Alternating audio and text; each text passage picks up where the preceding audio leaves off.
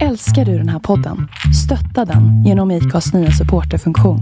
Det är helt upp till dig hur mycket du vill bidra med och det finns ingen bindningstid. Klicka på länken i poddbeskrivningen för att visa din uppskattning och stötta podden. Have catch yourself eating the same flavorless dinner three days in a row? Dreaming of something better? Well, HelloFresh is your guilt-free dream come true, baby. It's me, Gigi Palmer. Let's wake up those taste buds with hot, juicy pecan crusted chicken or garlic butter shrimp scampi. Mm. Hello Fresh. Stop dreaming of all the delicious possibilities and dig in at HelloFresh.com. Let's get this dinner party started.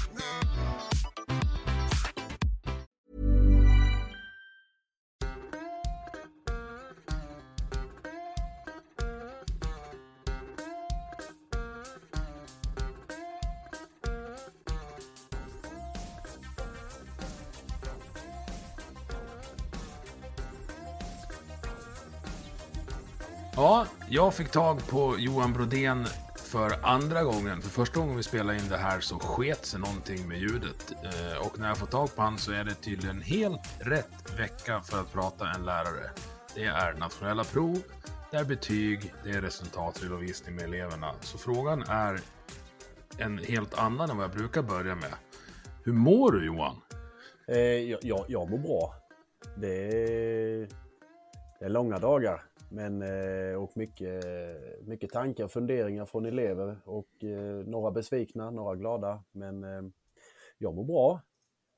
Jag har varit med några år så att man har lärt sig. Ja. Och då kommer jag med den här klassiska kommentaren när man pratar med lärare att du får ju ändå tio veckors semester. Ja, men nej, det, det är ju bara sju. Jaha. Men tre, tre månaders ledighet över, över året är det ju. Ja, det låter bra. Du, då går vi på den ordinarie frågan. Vem är du? 36-årig lärare, 10 år i yrket, eh, Småland. Flyttat runt på lite skolor, sett, sett en del. Eh, stör mig på en del. Eh, stör mig på en del saker rejält. Ja, men det är mer synen på Eh, skolan, vad skolan ska göra, eh, förväntningar på elever. Det, på de här tio åren så har det ju börjat curlas med elever i absurdum. Eh, den här totala, vad ska man säga, att alla elever ska sitta i samma klassrum har ju gått, gått till en nivå som är, den är ofattbar. Och man ska anpassa för utifrån den som är sämst i klassrummet trots att de andra 24 fixar en, en väldigt enkel grej så ska man anpassa för samtliga för det finns en som inte fixar knyta skorna själva men då får alla kardborreband. Eh, snacka om att omyndigförklara ungar. Ja, alltså jag har ju varit in, den ungen. Knyta skorna kunde vara, men alltså eh, om man tar stökungarna som, alltså det kan bero på många olika uh, saker. Men just det här, uh, alltså jag tycker att man offrar MPF-ungarna på lik, uh, vad kallar man det, likvärdighetens altare. Liksom. Ja, det- ja, både de barnen som behöver, nu har jag ju högstadieelever så det är väl tveksamt om man ska benämna dem som barn, men det börjar ju långt ner i åldrarna. Då kan du ha en elev i mellanstadiet som, ja men den, den, fix, den behöver ha koll på vad som händer under dagen. Mm. Och för att lösa det problemet så skriver man då upp dagens schema på tavlan för hela klassen. Mm. Vilket gör att alla elever lär sig att alla lösning, alla mina problem som har med schemat att göra, det finns rätt framför mig.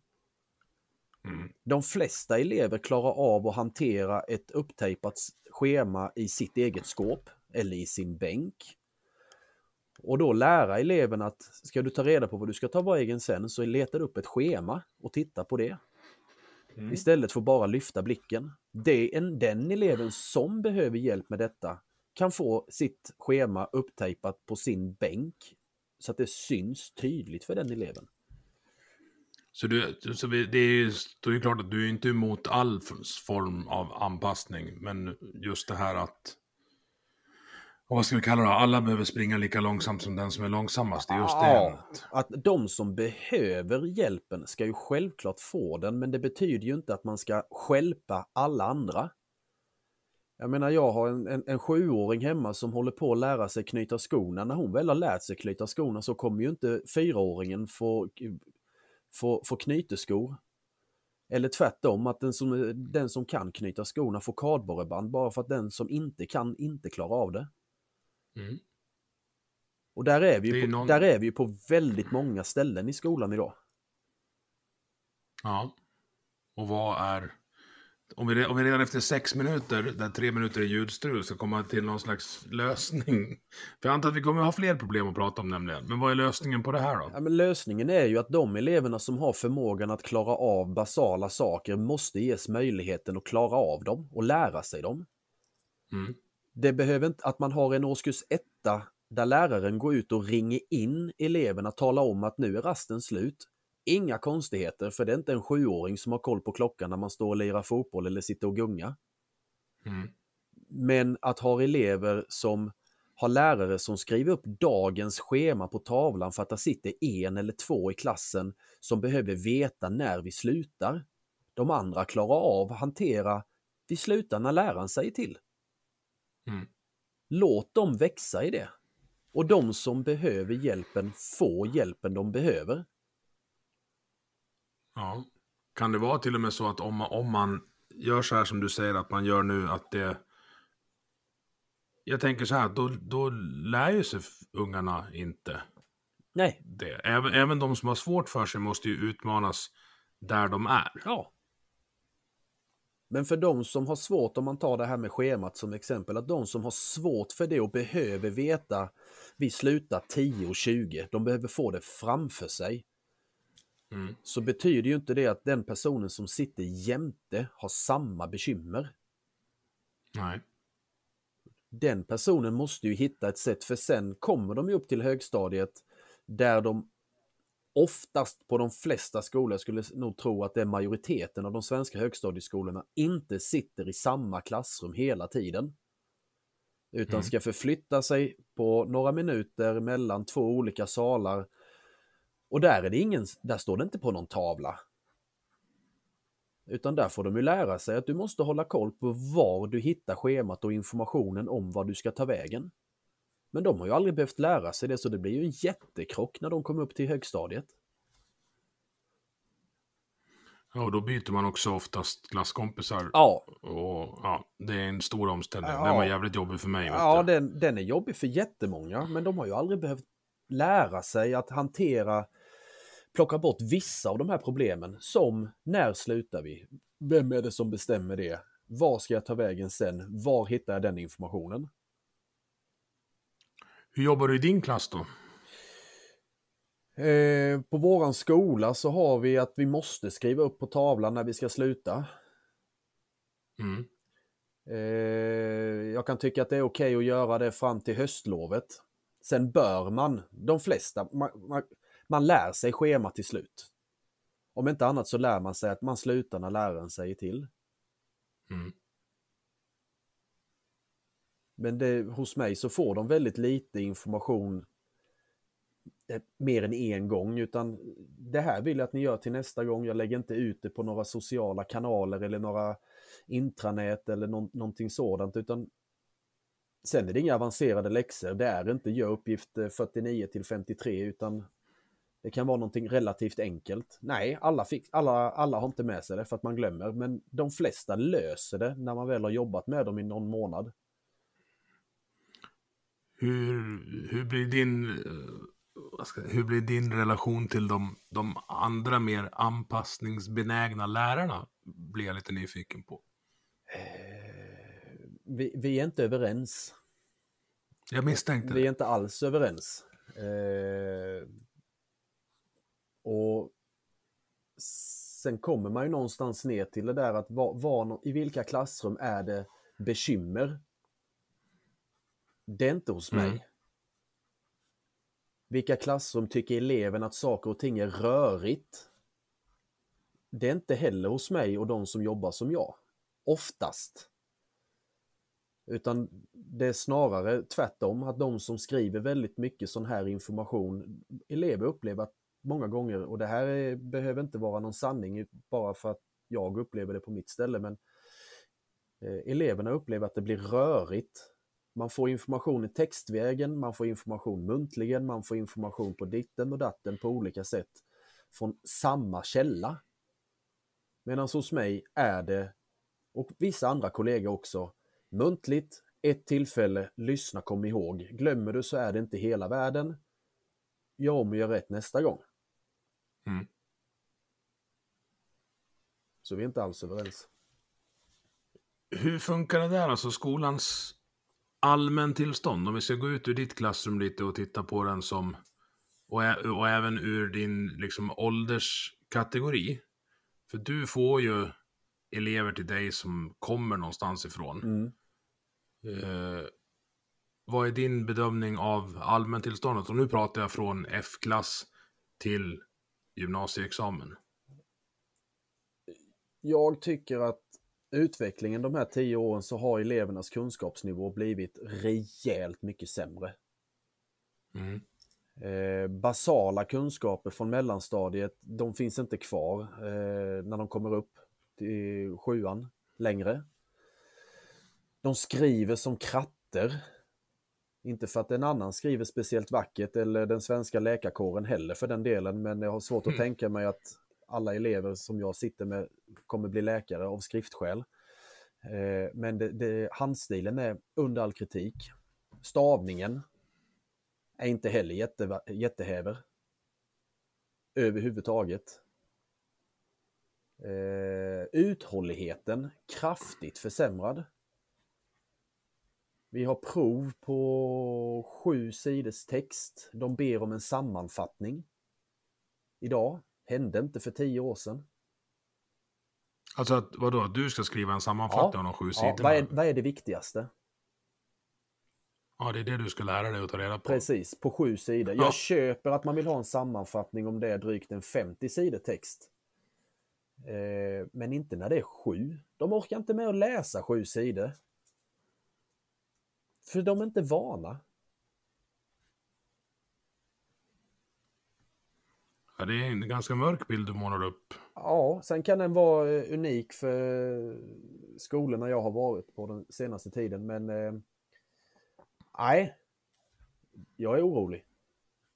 Alltså det finns ju en skoldebatt. eh, den, handlar, den pratas ju mycket om PISA-testerna när de kommer. Mm. Och sen upplever jag att det är mest alltså för eller emot friskolor som är där slaget står just nu. Ja, Inte liksom utbildningens innehåll som ju egentligen är det väsentliga. Så min äldsta går ju i friskola och jag skiter väl fullkomligt i liksom vad det är för bolagsform. Eller, alltså förstår du vad jag menar? Ja.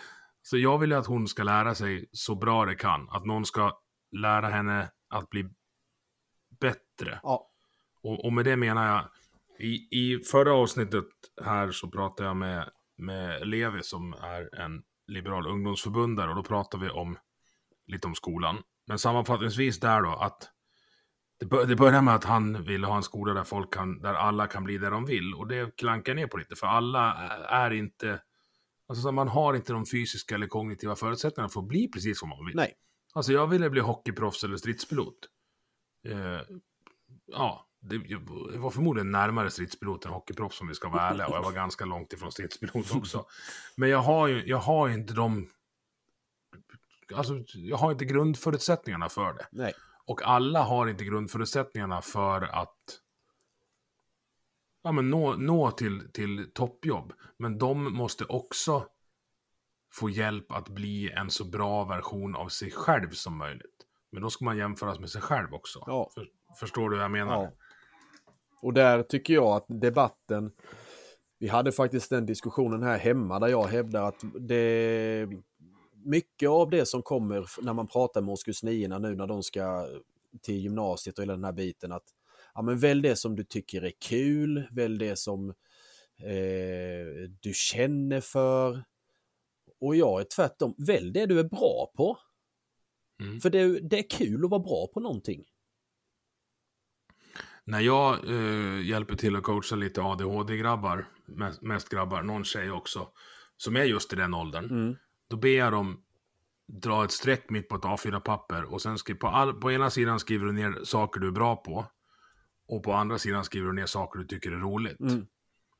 Och saker som finns på bägge ställena, Mm. ja men då försöker man hitta Ja, ett, ett arbete som, som, Pa- som, passar, som passar dem. För det, alltså det finns ju sådana ja, jobb. det är klart det gör. Det är klart det gör. Men, Både, både enkla och svåra. ja. Och det, det var som en elev som jag hade samtal med idag som, som sa så här att jag vill bli läkare. Ja, sa jag, då behöver du gå, då finns det lite olika val på gymnasiet. Vad tänker du dig då? Jag vill gå natur, sa han. Okej, eh, vad tror du om det? Ja, utifrån ditt nationella provresultat så tror jag att du kommer få det extremt tufft. Mm. För jag kan inte i det läget säga att nej, det är inte direkt lämpligt för dig att göra det. Du har inte den matematiska förmågan just nu att klara av matten på naturvetenskapliga programmet. Och grund, det viktigaste där är ju just nu. Ja. Alltså det är den, det är den som är... Eh, alltså så här, gymnasie-Emil, han kunde inte mycket mer än att dricka öl och åka på hockey, kan jag säga. Men han var bra på det. Ja. Men... Och den är ju, jag kände direkt när jag sa det att oh, det här kan bli problem. Mm. Trots att jag egentligen, jag, jag blev tillfrågad om att säga min, upp, min uppfattning. Mm. Men den brutala sanningen är ju faktiskt i det läget att nej, du var långt ifrån att klara av nationella testet. Långt Mm. ifrån. Jag har svårt, det, det går inte för dig just nu att klara naturvetenskapliga tempot i matematiken. Men det, det kan jag inte säga, tyvärr. Men då har ju den här personen blivit tillsagd av vuxenvärlden i och utanför skolan att du kan bli precis vad du vill. Mm. Och det kan han, men inte just nu. Mm. Och där, Och jag, ty jag tycker inte att det är svårt. Jag, jag tycker... Det kanske låter som att du är elak när du säger det. Men jag har svårt att se hur ärlighet skulle kunna vara elak.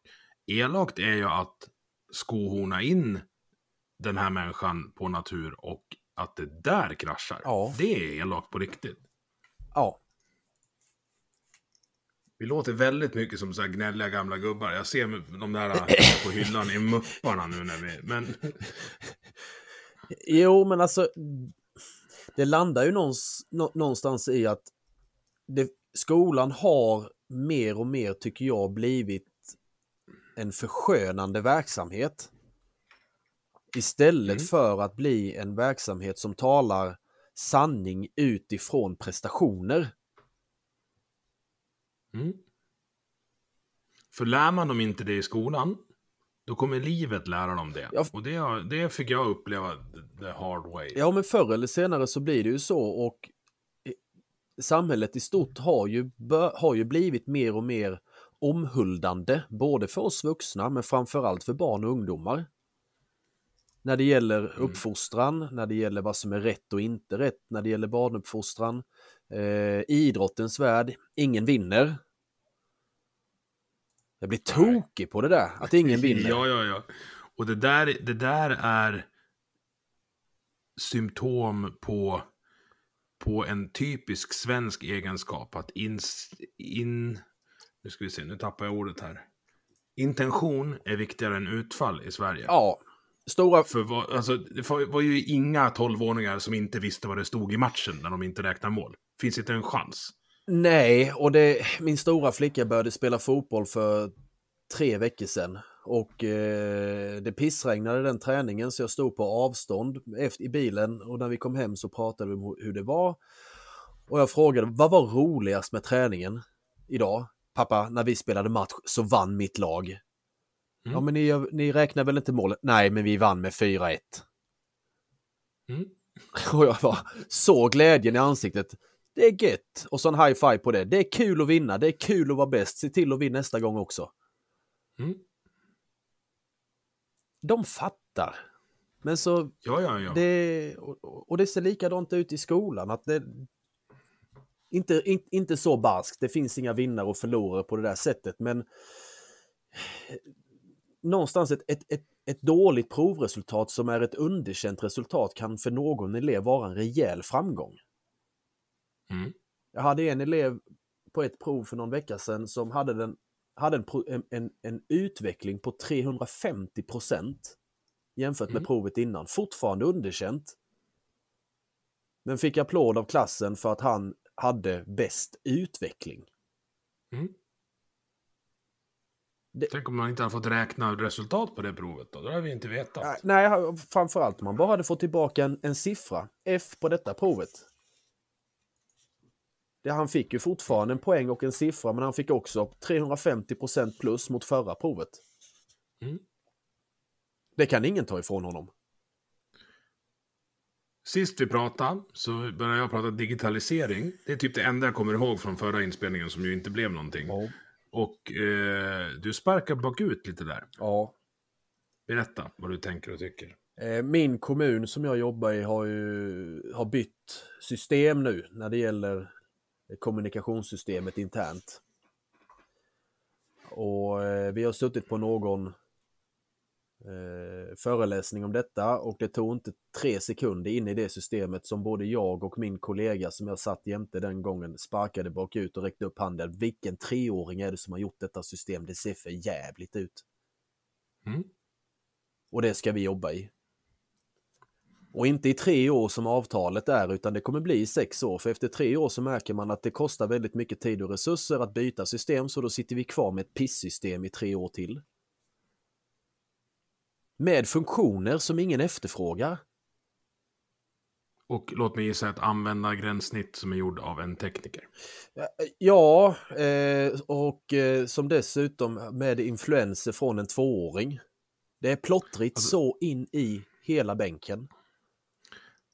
Staten, kommun, regioner är fruktansvärt dålig på upphandling överlag. Vilket är ett, ett jätteproblem i det här landet. Det kom en rapport förra veckan från, jag tror att det var Näringslivets medlingsinstitut eller vad de heter. Där de just har gått igenom det här att, att de som vinner upphandlingar på ja, men större it-projekt och infrastruktur har lämnat in orealistiska underlag. För det går inte att jobba och leva i Sverige på de här timlönerna som det blir om man räknar, räknar ner det. Liksom. Och därför sitter man med sådana produkter som du, ja, som du beskriver. ja. Jag behöver liksom inte ens titta på det för att förstå hur det ser ut. Nej, och när man dessutom under hela den här processen som det här programmet, eh, mjukvaran har plockats fram när det gäller upphandling så har ju det varit locket på från kommunen och när man frågar efter vad är det för beslut ni har tagit det här på så finns det ingen information att ta. Allting är sekretessbelagt. Vad kostar det här systemet? Sekretessbelagt. Allting är sekretessbelagt. Mm. Det, det är så undermåligt och det är ett system som utan tvekan man hade kunnat lösa med de befintliga system som man redan betalar för.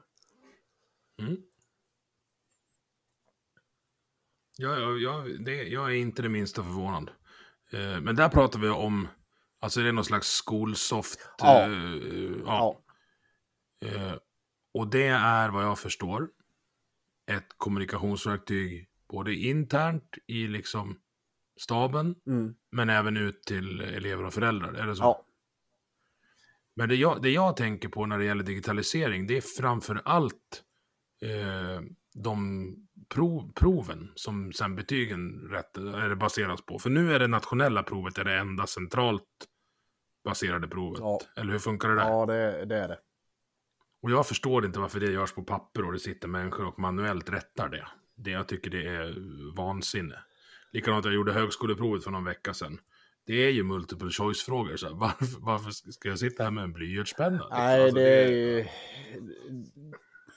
När det gäller prov och framförallt de centrala proven, nationella proven, så kan jag också tycka att kör dem digitalt. I alla fall de proven där det ska skrivas en, mass, en, en massa text.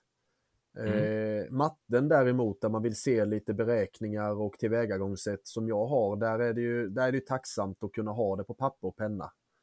Ja, det förstår Eh, jag. Men svenskan, där finns ju mjukvaror som lärarna använder. De sitter inte och skriver för hand utan de skriver i datorn. Eh, och även i andra SO också brukar vara rätt så bra på det där. Eh, NO lite sämre, för det är lite mindre text att skriva. Eh, men, så det, där finns ju mjukvaror som de använder men de får ju fortfarande proven på papper men sen sitter de och skriver i någon annan tjänst på datorn. Ja, okej. Okay. Hur stor del av betygssättningen baseras på det nationella provet? Övervägande del, eller man ska säga att i, i beskrivningen så står det att man ska ta det i särskild beaktning. Mm. Men det är ju en helhetsbedömning för hela högstadietiden. Hur ofta finns det liksom stora glapp mellan resultatet där och vad du hade bedömt utan? Utan det nationella? Eh, min statistik är väldigt god. Eh, jag har, det kan säga att det är någon, någon enstaka, två, tre som skriver utanför tidigare betygssättning. Mm. Så att det är, det är inte vanligt, inte hos mig i alla fall. Sen vet jag ju om att det finns en diff om man tittar på den nationella och även den kommunala eh, statistiken på nationella resultat i relation till betygssättning så är ju betygen högre än de nationella resultaten. Mm.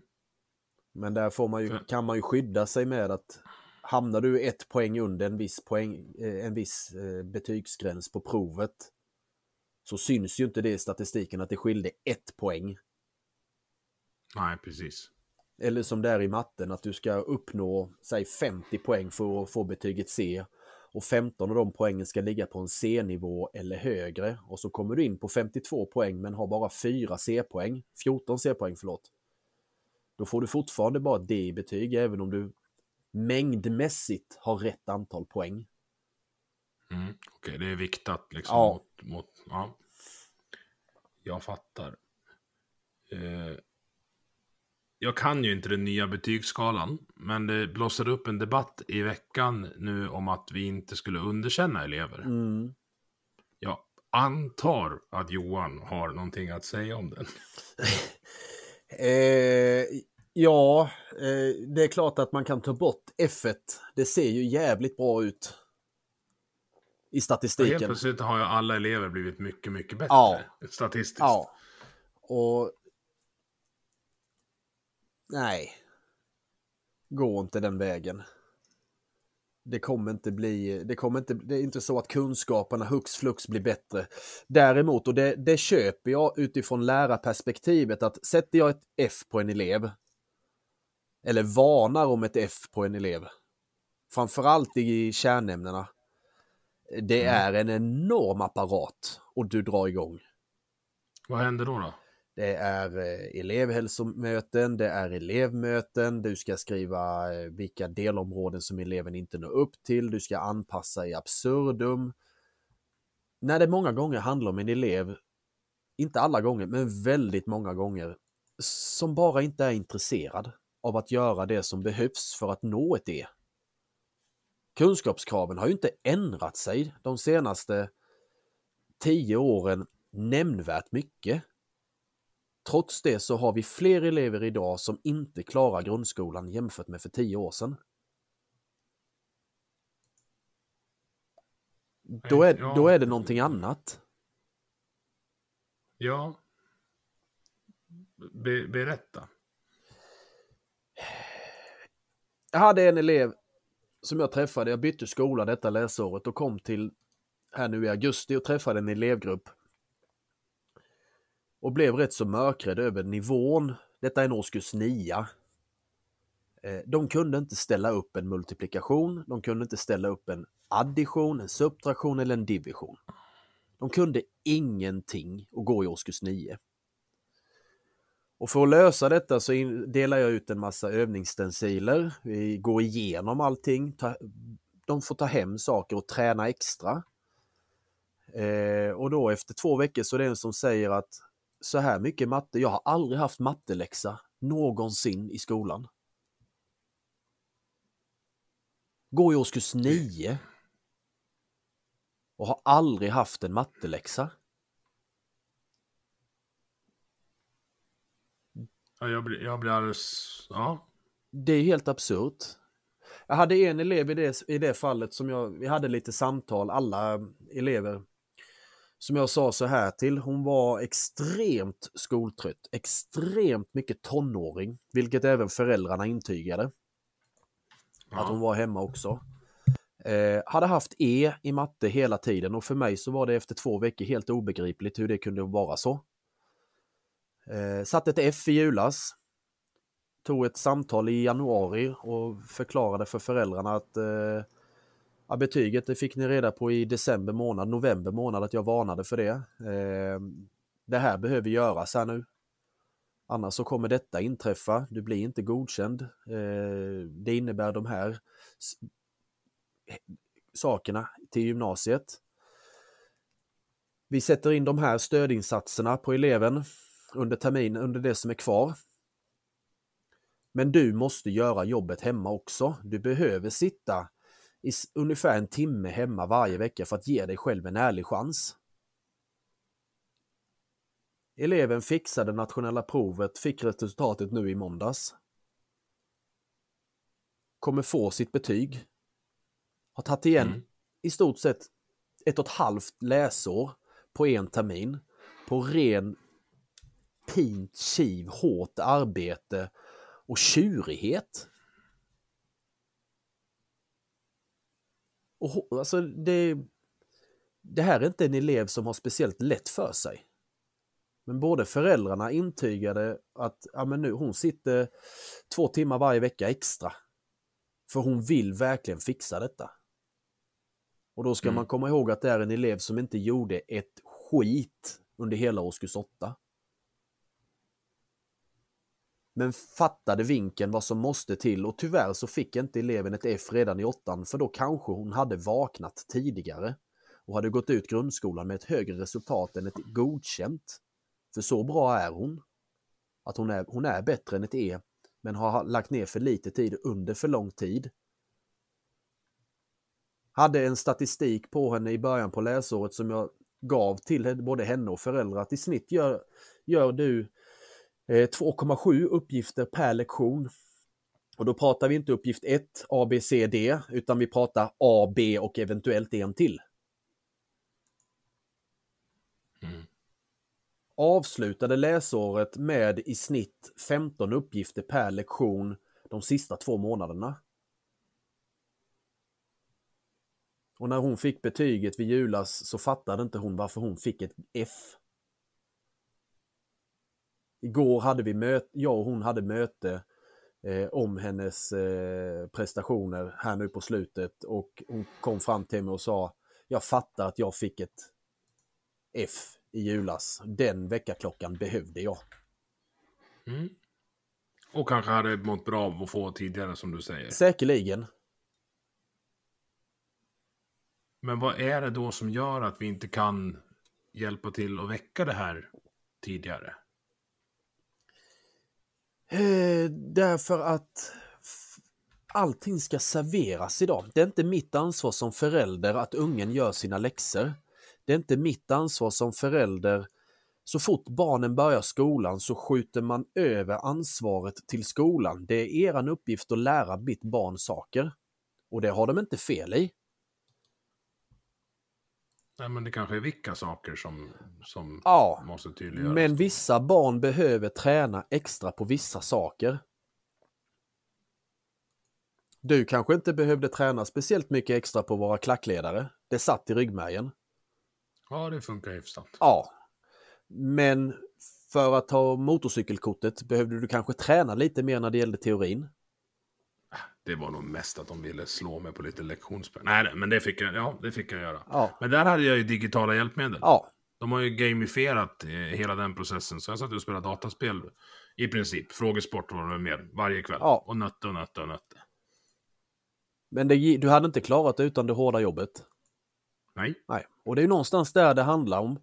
Att där, det har vi tappat. I idrotten, I idrottens värld så är det inga problem att tala om för, för barnen, ungdomarna att ska du bli bäst så måste du träna mest.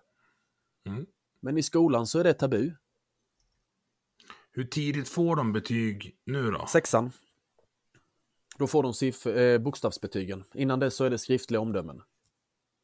Och är det ungefär samma sak? Eller? Ja, ja jag, jag, vet, jag vet faktiskt inte. Jag, eh, jag har inte jobbat på mellanstadiet med skriftliga omdömen så att jag, jag ska inte säga någonting om det.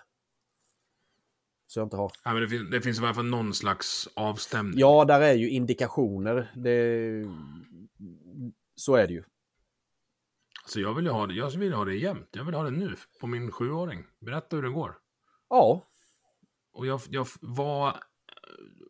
Så här, man pratar om att man ska göra halmgubbar om man ska prata om dåliga saker. Men en stålgubbe då? Mo, betyg motståndarsidans bästa argument. Vilket är det? till att ha betyg i låga åldrar. Att det inte har det. Alltså jag, de som inte vill ha jag, jag det. vet faktiskt inte. Jag, jag har inte hört något vettigt betyg. Jag tycker, eller något vettigt resonemang kring det där. Jag tycker att man ska ha betyg från årskurs 1, men däremot, go, du är godkänd för eh, ålders, du ligger på en åldersadekvat nivå. Eller du ligger efter din nivå. Det räcker, du bör kunna när du slutar ettan läsa. Du behöver inte läsa bra, men du har, borde ha lärt dig att koda av i alla fall. Mm. Ha sådana Mm. gränser. Du borde ha lärt dig låga plus och minus. Exempelvis. Sen finns det de som är bättre när, när det gäller vilka kunskaper man bör klara av på, i, i respektive årskurs. Men framförallt i svenska, matte, att det finns en indikation på jag menar, vi har ju bara elever som kommer upp i, i, i årskurs 7 som knappt kan läsa. Och då pratar vi inte om elever som kom till Sverige väldigt sent, utan elever som har, som har gått i svensk skola sen, förs, sen förskolan. Mm. Och som kommer upp till högstadiet som knappt kan läsa. Utan läs och skrivsvårigheter som inte har en sån diagnos. Men det, alltså, ja, hur, ja, jag fattar inte det, Johan. Alltså, hur går det till? Hur kan någon på sju år inte slå larm om det här? Internt så slås det larm, tror jag. Ja, Men jag tror inte att det är någon som, jag tror inte det är någon som överhuvudtaget har tittat på vad är orsaken till att det är fler barn idag som börjar årskurs 7 som inte kan läsa i jämförelse med 20 år sedan. Vad är det som har hänt? Jag är tämligen övertygad om att barn, små barn, alltifrån eh, ettåringar upp till tioåringar läser och lyssnar mycket mindre på böcker idag. Från sina Mm. föräldrar. Mm. De sitter och läser alldeles för lite böcker, skönlitterär text. Oavsett om du har lässvårigheter eller inte så blir du en bättre läsare av att läsa mer. Mm. Jo, man blir ju bra på det man tränar på. Ja, Eller bättre i alla fall. bra, ja, bra behöver du inte bli, men du ja. kommer i alla fall inte bli lik, du kommer i alla fall bli bättre än vad du är i dagsläget. Det finns Jag inget, och- jag hade gärna sett ett kvantitetskrav. Mm. Jag menar, en sjuåring som har lärt sig att läsa läser gärna böcker för de tycker att det är kul. Ja, våran sjuåring läser uh, första Hon ligger med oss när vi ska somna. Och sen går hon och läser, sig, läser själv. Ja, I princip tills hon somnar. ja, Hon älskar ju det. ja. Och att det inte kommer ett krav ifrån skolan att minst en bok på din nivå i månaden. Ja. Och för vissa är nivån en 300-siders eh, roman och för vissa så är det Teos tand. Ja, Max har en hatt. Ja, Ja. och han kanske har två också. Mm. Men det måste få in det här att skola jobbar man med även hemma. Men då ska det inte komma hem läxor där föräldrarna behöver sitta och förklara saker utan det ska vara sådana här självklara grejer som läs 50 sidor, pang. För det kan Mm. alla se till att barnen gör. Mm. Och sen är det den utbildade lärarens uppdrag att se till att boken som kommer hem är just på den nivån eller strax över så att man jobbar sig dit. Ja. Men där är vi inte. Och det gäller ju inte bara läsningen, det gäller ju även matten. att Du måste jobba för det. Mm. Du kan inte gå igenom två stadier och fortfarande inte ha lärt dig en additionsuppställning.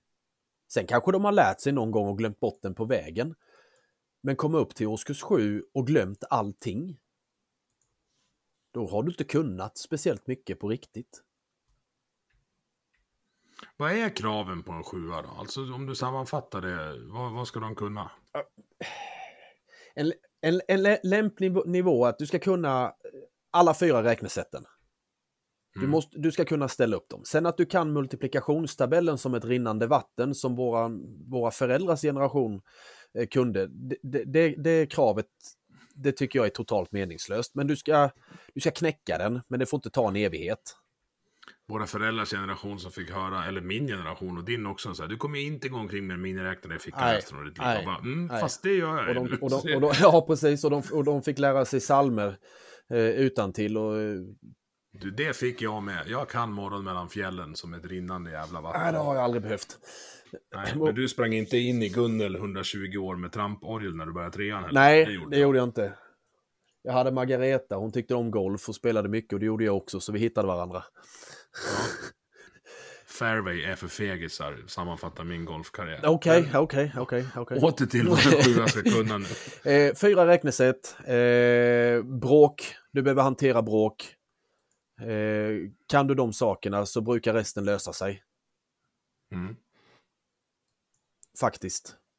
Och då behöver du inte ha avancerad brå- bråkberäkning, att du ska kunna addera två bråk, men du ska kunna se, du ska kunna förstå vad innebär en femtedel. Och det gör Mm. inte alla. Utan det är som ett är helt nytt vitt bla- blankt papper när man tar upp det kapitlet. Och hur, hur gör du då? då? Alltså får du...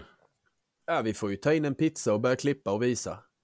Typ. Men jag tänker så här, alltså... Kan det vara... Kan en lösning vara att man får göra något slags prov för att få komma in i sjua? Alltså om det nu är så många som har det här problemet så måste ju någonting ändras. Vi har ju ett nationellt prov. Även i sexan. Problemet är ju att det är väldigt många elever med underkända resultat som kommer upp. Vi har också väldigt många elever som skriver A på nationella provet i matematik i årskurs 6 och sen har väldigt låga kunskaper när de kommer till årskurs 7. Och det kan bero på att vi i i högstadiet kanske har lite för höga krav. Men när man Mm. pratar med äldre kollegor som har varit med betydligt längre än vad jag har så säger de att den nivån vi jobbar med idag, den jobbade vi med i årskurs 5 för 20 år sedan. När det gäller just de fyra räknesätten, bråkräkning och så vidare. Sen ska jag inte ta gift på att det faktiskt var så, men de upplever ju också att de som har mer tid i yrket upplever också en kraftig försämring när det gäller förkunskaperna när de kommer upp till högstadiet. Ja, jag sitter och funderar på, på liksom vad, vad det beror på. Alltså jag är, jag är ju en effektetiker så att jag vill liksom hitta lösningar hela tiden. Men jag, jag går liksom lite bet på det. Ja, Jag, jag, jag får uppfattningen om att det handlar om den här mängdträningen. Mycket handlar om mängdträningen. Den här tråkiga tragget som bara måste göras. Sitta med en stencil med multiplikationstabellen. Sitta med, med 50-tal. Det här ska du ha med dig om tre dagar och det ska vara klart. Så mycket som du Mm. klarar av i alla fall och sen så rättar vi. Sen så är det prov på, på, på samma sak på, på fredag. Ja, för jag tänker liksom min, min del av befolkningen som har lite problem med det där. Jag tror inte att det här är ett problem för oss. Snarare tvärtom. Alltså den tydligheten du beskriver nu är ju någonting jag skulle kunna rama in mig själv med. Eh, i, även i den åldern alltså. Ja, det tror jag också. Och det är ju, det är ju den här... äh, Matte är ju fortfarande ett väldigt fyrkantigt ämne. Mm. Det kommer man inte ifrån, men däremot så har ju lärarutbildningen garanterat blivit mindre fyrkantig över tid. Och alla utbildningar som vi går handlar om att man ska göra saker och ting roligt. Man ska lära sig på nya sätt och vi satt på en för två år sedan en matteutbildning och jag räckte upp handen och frågade hur mycket har hjärnans förmåga att lära sig saker förändrats de senaste tusen, år, tusen åren tror ni? Jag tror inte att det har hänt speciellt mycket med våran hjärnutveckling utan den är, den är rätt så likartad. Ja, det säger sig självt. Ja, i alla fall så evolutionen går inte så snabbt.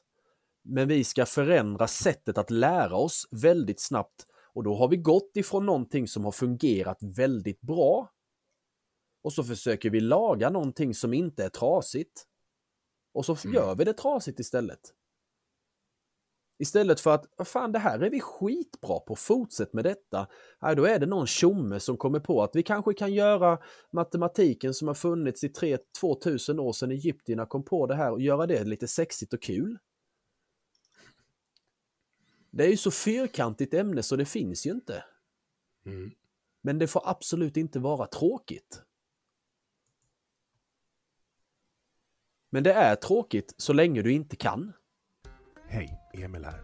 Tack för att du lyssnar. Vill du stötta podden så kan du göra det på patreon.com där du söker efter Vi måste prata och skänker valfri summa per avsnitt. Jag kommer inte börja låsa in något material utan det är helt frivilligt att bidra. En annan sak du kan göra för att stötta är att dela det här avsnittet med dina vänner. Men nu åter till gästen. Tack för att du lyssnar. Var står du i, om vi byter ämne då, mm. till det här som jag, berörde innan. Var, var, står du i friskoledebatten då, som ju rasar uh, hårt? Jag bryr mig egentligen inte heller om det. Vem det är som driver skolan. Eh, ska man ha ett, en friskola som är finansierad med skattemedel Nej, kanske inte. Men då måste man också acceptera att de som har råd att sätta sina barn på en friskola också, då får, då får, då får föräldrarna pröjsa för det.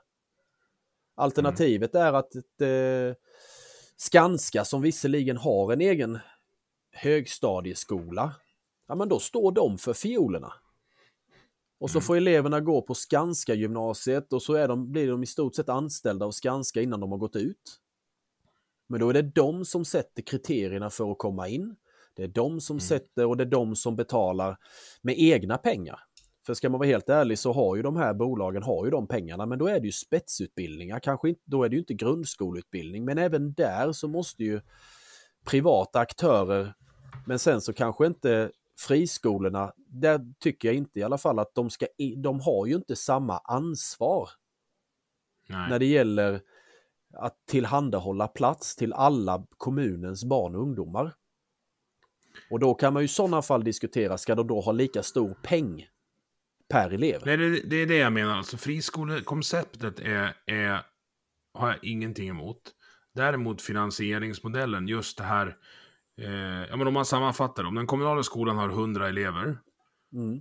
och sen öppnar en friskola som tar 30 av dem, ja men då blir det 70-30 fördelning av pengar. Ja. Men om det flyttar över elever så måste den kommunala skolan fortfarande hålla samma nivå. Så deras utgifter är fortfarande 70. Men då kanske det blir 40 elever som ska betala. Så det, ja. det, det, det, finns en o, ojämnhet där. Ja. Och det är ett, ett för systemet är inte gjort för det här, vilket gör att vi får de här vinstuttagsgrejerna eh, som jag heller kanske inte har någonting ideologiskt emot, men det kanske blir för mycket.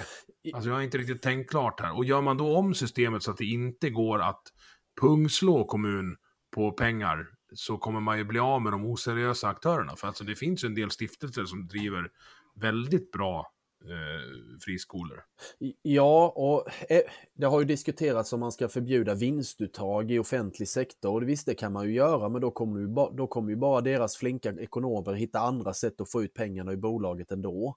Ja, ja, ja. Så det, det, är inte det det handlar om, utan det handlar om att se över intäktsmodellen. Det, det är inte lämpligt mm. att en friskola som saknar eh, ansvaret för kommunens ungdomar, att de ska få lika stor peng Sen hur den fördelningen Nej. ska se ut, om den ska se ut som 85, att de får 85% av en elevpeng eller inte, det finns det andra som kan räkna på. men det behöver göras om? Ja, den delen. Sen så tycker jag att det ska finnas möjlighet att plocka ut. Kan man göra ett överskott, ja men ta ut det då, då gör ni någonting bra. Ur ett mm. ekonomiskt perspektiv. Och är det en dålig skola så in, inbillar jag mig att ja, men då slutar eleven att gå dit. Ja. Ja, men det är, liksom, alltså det är marknadsekonomi, är eh, basic. Ja. Men också det här som du pratar om, elitgymnasium blir det väl då. Alltså jag har liksom ingenting emot det. För, för om, om en elev som har väldigt lätt för sig kanske klarar av att göra den mesta av, av självstudierna på egen hand. Och nästan liksom, ja men förstår du, forskar sig genom gymnasiet. Ja, Och kommer ut på andra sidan som någon slags jävla superentreprenör. Så kommer ju han eller hon anställa de andra ungarna som, som går på den vanliga skolan. ja jag, ser ingen, jag ser ingen anledning att inte kunna ha liknande system även på grundskolan. Att de som har det väldigt lätt för sig borde redan under högstadietiden kunna få prova på och kanske rent av tenta av vissa kurser i gymnasiet. Mm. För att de är akademiskt skillade. Där tror jag digitalisering och AI kan hjälpa till jättemycket. För har du en självgående elev och så bygger du ett utbildningssystem i en dator som känner av eh, liksom Ja, man gör ett prov i veckan, så ja, men då ska du träna på det här nästa vecka. Lite som mitt körkortsprogram till, till hojen gjorde med mig.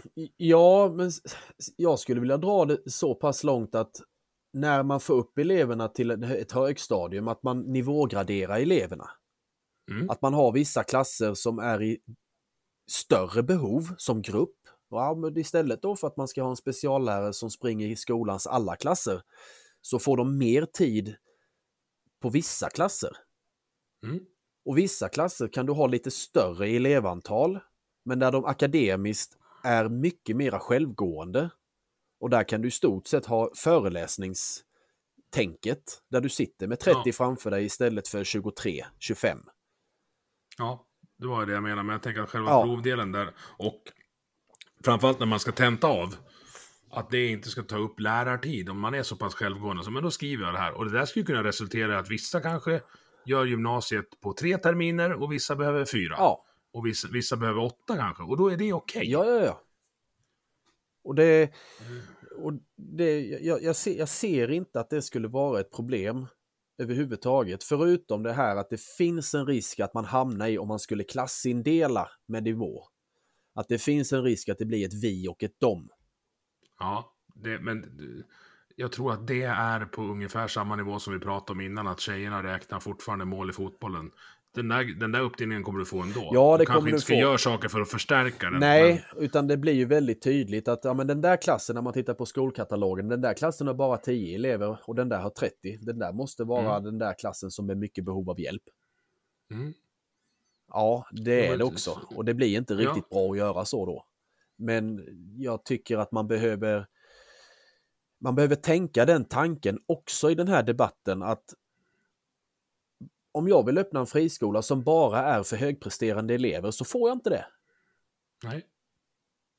Men jag skulle, jag skulle rent av vilja göra det.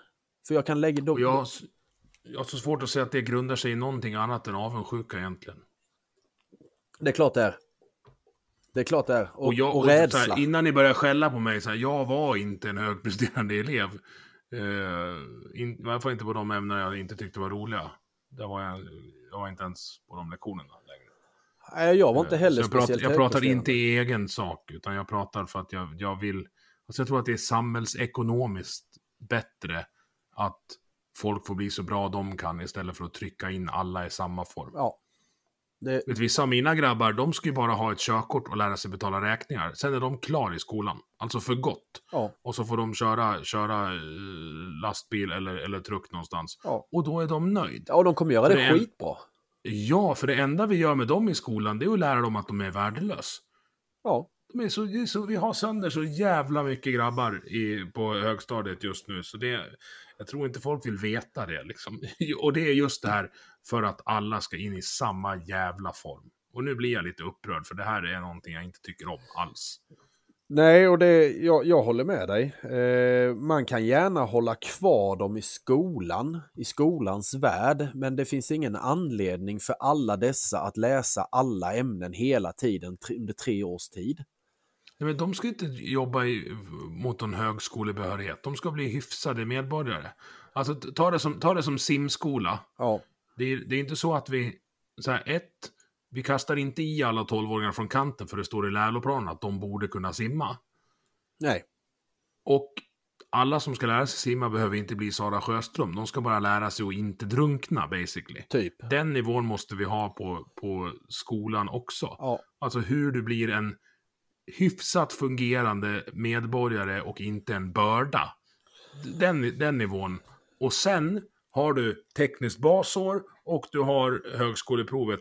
när du mognar i kapp. Ja. För i mångt och mycket så är det här en mognadsgrad. Jo, men det är Vilket det. för, i- vilket för in mig på nästa, nästa käpphäst jag har. Förlåt trogna lyssnare, jag vet att det här dyker upp så här. Men det är just det här eh, lilla, att det kanske är skillnad på killar och tjejer. Tror jag. Men det står i läroplanen så att det är det inte. Nej, det är ju inte det. Killar borde börja skolan ett år efter tjejerna.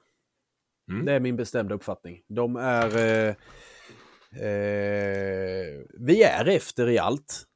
Vi, Ja. vi börjar med allting lite senare än tjejerna. Jag varit i en skola en gång och, och hjälpte till som vikarie. Där hade de en 4, 5, 6 förstår du. Det gick säkert jättebra. Du har, du har åttaåriga, eller nioåriga killar och tolvåriga tjejer i samma klassrum. Ja. De bor inte ens på samma planet. Nej, nej, nej. Alltså bokstavligt talat, det är sån skillnad mellan dem. Ja. Och jag tror att det är, eh, det kanske är den perioden när det är störst skillnad mellan dem också. Ja, det börjar ju suddas ut någonstans 8-9 skulle jag säga. Men även i 8-9 så märker alltså, det är, det är väldigt, det är knappt några tjejer i nian som leker med varandra. Nej. Men De det, hänger. De, de sitter ner och hänger, pratar lite. Medan killarna kan ju mycket väl få för sig att leka, oftast med en boll. Mm. Men leka. För att de, Och jag säger, inte- de jag är säger inte lite- att det är något fel på det heller. Definitivt Alltså, det är- inte, men vi är olika. Och alltså, jag, ja, jag har ju två döttrar som du vet. Ja, Eh, vilket ju är en utmaning, för jag kan ju ingenting om hur tjejer tänker. Vi Jag lär mig, lär mig mer och mer. Och det är, visst, det är lite raljant nu, men ja, ni kan, jag kan ha med min fru som gäst någon gång, ska ni få höra hur vi har det. Alltså det är olika. ja jag sitter i samma dilemma och jag... Jag frågade frun en gång, "Va- hur, hur fan ska jag göra? Hur, hur, hur, hur funkar du? För, för jag tror du löser detta bättre och sen så går hon in i situationen och löser den på två röda. Mm. Och jag sitter som ett frågetecken. Vad gjorde du? Nej, jag fick en känsla för vad jag skulle göra. Vilken jävla känsla då? vad fan? Skriv ner den. Nej, men det behöver inte, behöver inte, behöver inte vara samma sak nästa gång som funkar. Ja, men Nej. bara, jaha. Mm. Ja, ja. det går säkert bra nästa gång också, men nej, det gör det ju inte. Det är, det är utmaningar i livet och i skolan. Ja, Du sa inledningsvis innan vi tryckte igång inspelningen att det hade hänt saker, ytterligare saker som du ville prata om. Vad var det för något? det var ju det här med digitaliseringen. Ja, att eh, nya datasystem och så ska man in i den här fantastiska eh, utbildningspaketet igen där vi har eh, individer på en skola. Vi har båda könen bland lärarna, vi har blandade åldrar, allt ifrån den som går i pension efter nästa läsår till den som är helt nyutexad. Eh, kunskaperna med datorer är ju breda. Det är ju, kan vi ju Vari varierande kan vi säga. Ja, eh, men då blir ju jag som relativt för nivån kunnig på området blir ju inkastad på utbildningstimme efter utbildningstimme när jag har löst uppgifterna efter fem minuter. Sen ska jag sitta och vänta Mm. för att vissa fortfarande inte ens klarar av att bifoga en fil i ett mejl. Så var det för mig just när vi, vi pratade om bråk förut. Eh, jag kommer så väl ihåg det, det var någonstans i trean, fyran när man skulle lära sig eh, hur, hur bråk funkar. Mm. Eh, och då vet du, jag förstod det direkt. Det bara klickade. Mm. Och sen, men jag var tvungen att sitta kvar. Jag hade räknat klart alla tal, men jag var tvungen att sitta kvar. Tänkte det för en nioåring med damp liksom. Det var ju tortyr. Ja, och säkerligen tortyr för resten av klassen också. Ja, det kanske flög någon stol innan det var klart. ja. Eh, så det, ja. Landar vi i någon slags indiv individanpassning ändå nu? Eller vad, vad, vad Ja, men vi landar ju där, alltså nivågrade- nivågradering. Att här, prova på detta, ni som reder ut det, ni, ni som känner att ni hanterar det vettigt. Ni behöver inte gå på den här, den här kursen som är på tre timmar lång. Ni Mm. andra som känner att ni behöver mer träning, kom dit. Men hur applicerar vi det på eleverna då? Där är ju skillnaden att vi har ju en, en skolplikt. Mm. Att de I, behöver ju- Finland, de, I Finland har de lärplikt istället. Ja. Och någonstans, alltså om man nu tar tillbaka den situationen som du var i med bråksituationen så är det ju lärarens uppgift att oj, du har ju klarat detta redan. Mm. Prova detta. Prova lite svårare. Det är ju min uppgift som lärare att de eleverna som har väldigt lätt för sig att de hela tiden stöter på utmaningar. I rimlig, Ja, på rimlig nivå. Men jag som sitter i ett datasystem, jag är färdig med att skicka iväg ett meddelande internt. Jag vet hur man gör det nu. Mm. Jag behöver inte sitta på den här utbildningen en timme till för jag kan inte skicka en annan typ av meddelande. Nej, och jag tänker att för sådana som mig i den åldern så hade eh, förmodligen helt mot läroplanen, men möjligheten att sticka en kvart tidigare och spela fotboll med de andra klasserna hade ju förmodligen fått mig att anstränga mig mer nästa gång det var matte. Ja, och så är det ju många som jobbar i... Vi har ju en specialgrupp hos oss på skolan där det sitter elever med NPF-utredningar. Och de jobbar ju mycket på beting. Mm. Att gör detta, sen paus. Du måste göra detta först, sen får du ta din paus och då får du ta paddan. Mm. Och det funkar skitbra Funkar. för dem. Ja, utmärkt. Mer sånt för oss. Ja. Men då, då funkar ju inte det. Det funkar ju för att de sitter ju i ett eget rum. De sitter ju inte inkluderat i mitt klassrum om man säger så. Nej. Utan de kan och ju- det där börjar skolorna gå ifrån nu, Ja. för nu är inkludering att de ska vara i vanliga klassen. Och det blir fel för precis alla. Ja, Ja, men det börjar svänga. Tycker jag ändå. men det måste vara att de, har, de här eh, har drabbats av verklighet. De som har bestämt det här. Ja, och framförallt så har de, ju, har de ju någonstans fattat att oj, det här blev inte så jäkla bra. Det här försöket som vi gjorde. Som någon Nej, har sagt att det, här är nog vettigt. För den skolan jag är på nu jobbade jag på för några år sedan och då, då var det ingen inkludering.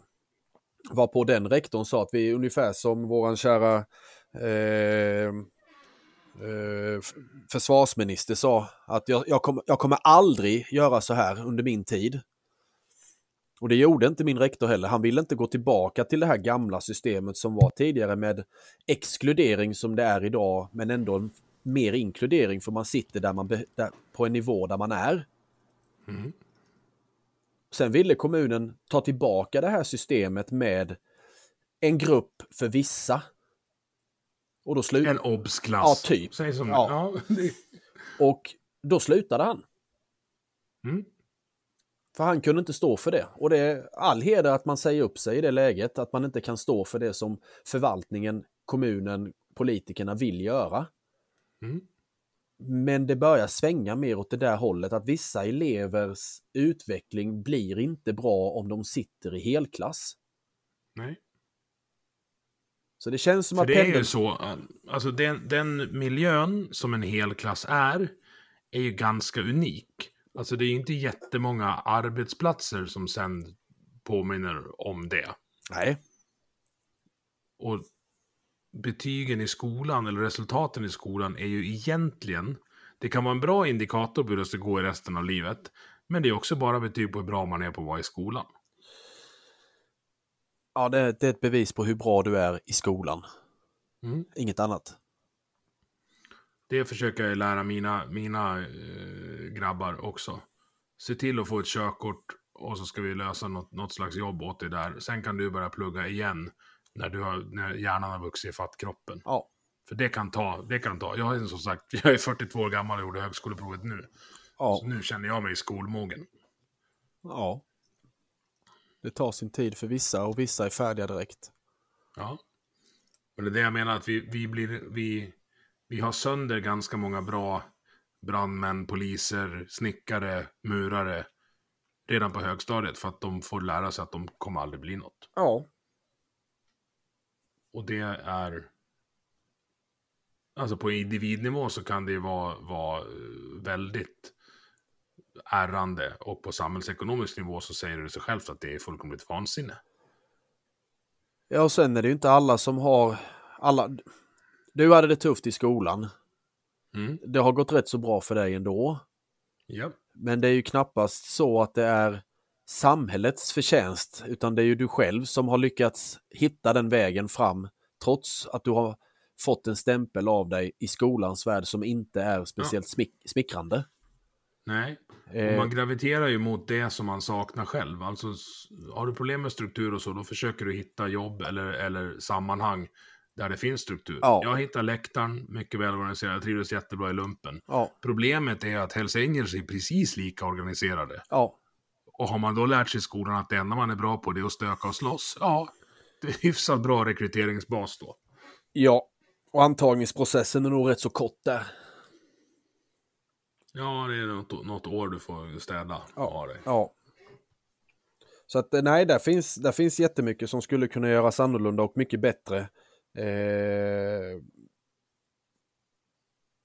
men, eh, och sen samma sak, det är arbetslivet, yrkeslivet ser ju inte likadant ut som det gjorde för en 20-30 år sedan. Det påverkar ju också. Men de där jobben som vissa av de här eleverna klarar av finns fortfarande kvar och kommer säkerligen under väldigt lång tid framöver att finnas kvar. Ja, vi kommer, in, vi kommer få brist på hantverkare innan vi får brist på eh, litteraturvetare. Det törs jag lova dig. Ja. Eller genusvetare. Eller kommunikatörer. Ja. Ja. Och det, det såg jag också. Sverige är det, land, eh, det landet, eller ett av länderna i Europa där folk tillbringar mest tid på eh, universitet och högskola Mm. per, per capita. Men vi är också det landet där högre utbildning visar sig minst i lönekuvertet. Ja. Det är ju väldigt ologiskt. Eller så är det bara jävligt bekvämt att lulla omkring på CSN i Uppsala åtta år och bo i korridor och gå på nation. Vad tror du? Eh, vi, vi, vi får ju någonstans backa bandet väldigt, väldigt, väldigt långt. Vi har en, indus, en industrialisering i Sverige som gick både, både snabbt och effektivt om man jämför med Mm. andra län, jämförbara länder. Eh, väldigt lite inflytande av andra länders utveckling utan mycket av utvecklingen skedde här internt i landet. Lite för att vi blundade på 40-talet och de andra länderna hade sönderbombade fabriker. Ja, det också förvisso, men även, även innan det så var ju Sverige väldigt långt framme. Vi har, Det är ju egentligen, om jag inte minns helt fel, och nu är det väl säkert någon historiker som kommer att slå mig på fingrarna, men den enda gången som vi verkligen har importerat spetskvalitet så var det under stormaktstiden där vi importerade eh, kunnigt folk utomlands ifrån när det gällde just tillverkning av kanoner. Mm. Och sen har vi löst det mesta inom landet med utbildning, med eh, utveckling. Och i och med att vi inte har varit med i några krig på väldigt lång tid så har vi också haft väldigt lång tid på oss att fundera, att utveckla, att avveckla. Och därför så behöver vi mycket utbildning för att överhuvudtaget kvalificera oss på arbetsmarknaden idag. Mm. Sen är det mycket lullularbeten ute i Sverige. Det, det, det, det står jag för. Det, jag fattar inte varför kommunen måste ha så mycket kommunikatörer, exempelvis. Nej, jag kan köpa att det finns ett behov att, att, att liksom hålla... Eh, vara proaktiv i kommunikationen. Alltså hålla saker och ting uppdaterade, se till att det finns bygglov och, och plan... Vad heter det? Ja, men dokument, do- information som ska ut till medborgarna, det, det, det behövs definitivt. Men frågan är ju, Ja. behövs det så många som kommunicerar? Nej, alltså det man, man ska dra öronen åt sig när en kommun börjar, börjar hålla på med projekten och ska sätta kommunen på kartan. Då ska det vara anställningsstopp på kommunikationsavdelningen Ja. och någon ska få sparken. Ja. Direkt. Ja. Och det... Sen, sen måste man ju också förstå att våran industri i Sverige idag, om man jämför med för, för 30-40 år sedan och även andra länder som de ser ut idag, vi har ju inte en svarv idag som såg ut som för 40 år sedan, utan det, idag är det ju en programmerbar maskin. Mm. Det är inte den manuella svarven som fortfarande står på industrigolvet i gymnasieskolorna på många ställen som eleverna får lära sig svarva manuellt. Och det är ingen, ingen kunskap att förringa, men de får ju också lära sig att programmera en, ett Heidenhain-system. Mm. Det är ganska coola grejer. Det är riktigt coola grejer. Och vi har väldigt mycket sån kunskap i Sverige. Mm. Som kommer ifrån att vi hade de här manuella svarvarna på 40-talet som gick på högvarv. Och sen har vi tagit nästa steg. Vi behövde inte, för att vi hade tiden och pengarna till att utbilda folk till nästa teknik. Mm. Medan de länderna som skulle byggas upp körde med sin beprövade teknik. För de vet att det funkar och vi har kunskapen till det. Vi har inte tid att hålla på och utbilda folk just nu. Men jag är rätt så övertygad om att den, hela den här processen som vi i Sverige körde för, för, för 30-40 år sedan med utbildning inom industrisektorn. De andra länderna kommer ta ikapp det också. Och är mm. ikapp på många ställen. Ja, vi går en spännande tid till mötes. Det kommer alltid finnas jobb för poddare, hoppas jag. det, ja, det är ju det är, det är en ny sysselsättning. Vi får se. Ja, jo men det är ju så. Och det finns ju någon sån teori om att hälften av de som börjar högstadiet nu, de jobben de kommer ar arbeta med när de kommer ut på arbetsmarknaden, de jobben finns inte idag. Nej. Det är, alltså jag tycker det är spännande. Vissa kan säkert se det som läskigt. Men för mig är det en ljusning liksom eh, framöver. För, I synnerhet för, för, för min min typ av grabb. Ja, men för de som går i skolan idag så är det ju en möjlighet för oss som sitter ute på, för de som sitter ute i yrkeslivet idag så är det ju tvärtom. Mm. Egentligen, mm. för då måste de ju lära någonting, måste de ge sig ut på djupt vatten igen. Mm. Det tror jag är bra. Tycker om när folk får prova nya saker. Men du, ja. ser du någon ljusning framöver om vi ska avsluta på en positiv ton? Eh, nej, inte i närtid. Så gör jag inte det. Vad, eh, på... vad skulle din första åtgärd vara om du fick bli skolminister en vecka? Eh, inf jag, jag, skulle, för det första så skulle jag vilja se att staten har ett nationellt prov i årskurs 9 som jag tycker, ja men det är bra. Men jag hade velat se ett åldersadekvat nationellt prov för alla årskurser för att kunna stämma av så att det inte blir en inflations eh, på betygen. Mm. Att man någonstans har någonting att eh, mäta sig emot vad staten förväntar sig att man ska kunna vid de olika årskurserna. För idag är vi så vansinnigt styrda av vilken litteratur du har på skolan. Hur, hur nivån på undervisningen ligger. Vissa böcker är väldigt svåra, vissa böcker är lättare. Men om man då har ett system där staten har ett prov årskurs 7 algebra. Okej, okay, det här ska alla göra i algebra. Det här är minimum. Mm. Det här ska man kunna i årskurs 7. Då spelar det ingen roll vilken bok du har, för det är det här du ska kunna och vissa böcker täcker det provet rakt av och vissa böcker täcker det inte rakt av utan där måste man komplettera vissa saker som lärare. Mm. Men då får och de du... som kommer vara snabbast att anpassa sig där kommer ju inte vara de kommunala skolorna. Alltså kommer det ut en sån, det här ska de kunna smack. Ett år så har, har i alla fall de proaktiva friskolorna fixat in det på alla sina ställen. Ja. Jag lovar det. Ja. Och det är det, det är det man är rädd för.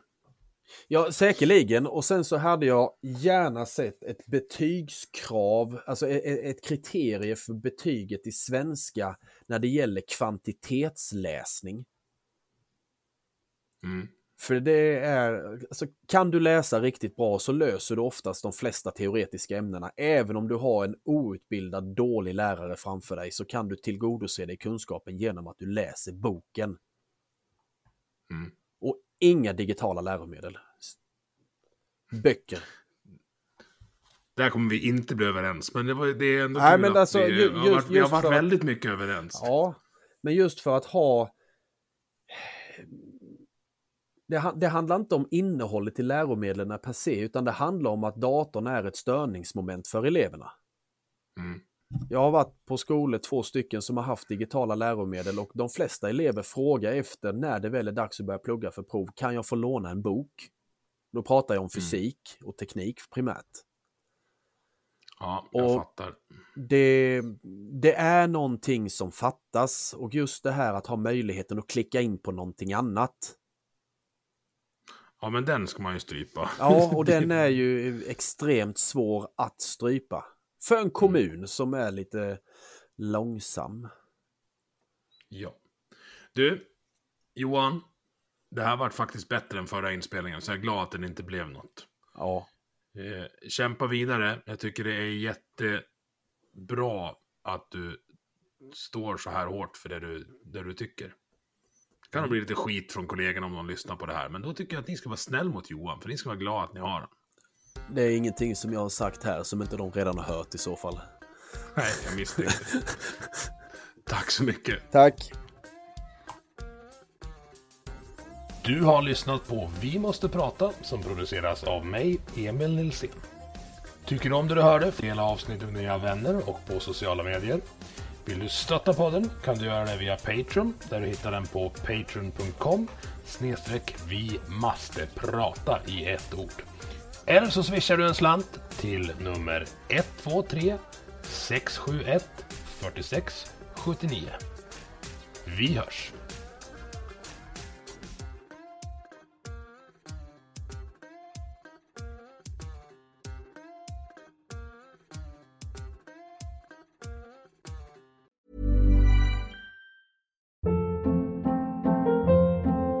Hold up. What was that? Boring. No flavor. That was as bad as those leftovers you ate all week. Kiki Palmer here, and it's time to say hello to something fresh and guilt-free. Hello Fresh. Jazz up dinner with pecan-crusted chicken or garlic butter shrimp scampi. Now that's music to my mouth. Hello Fresh. Let's get this dinner party started. Discover all the delicious possibilities at hellofresh.com.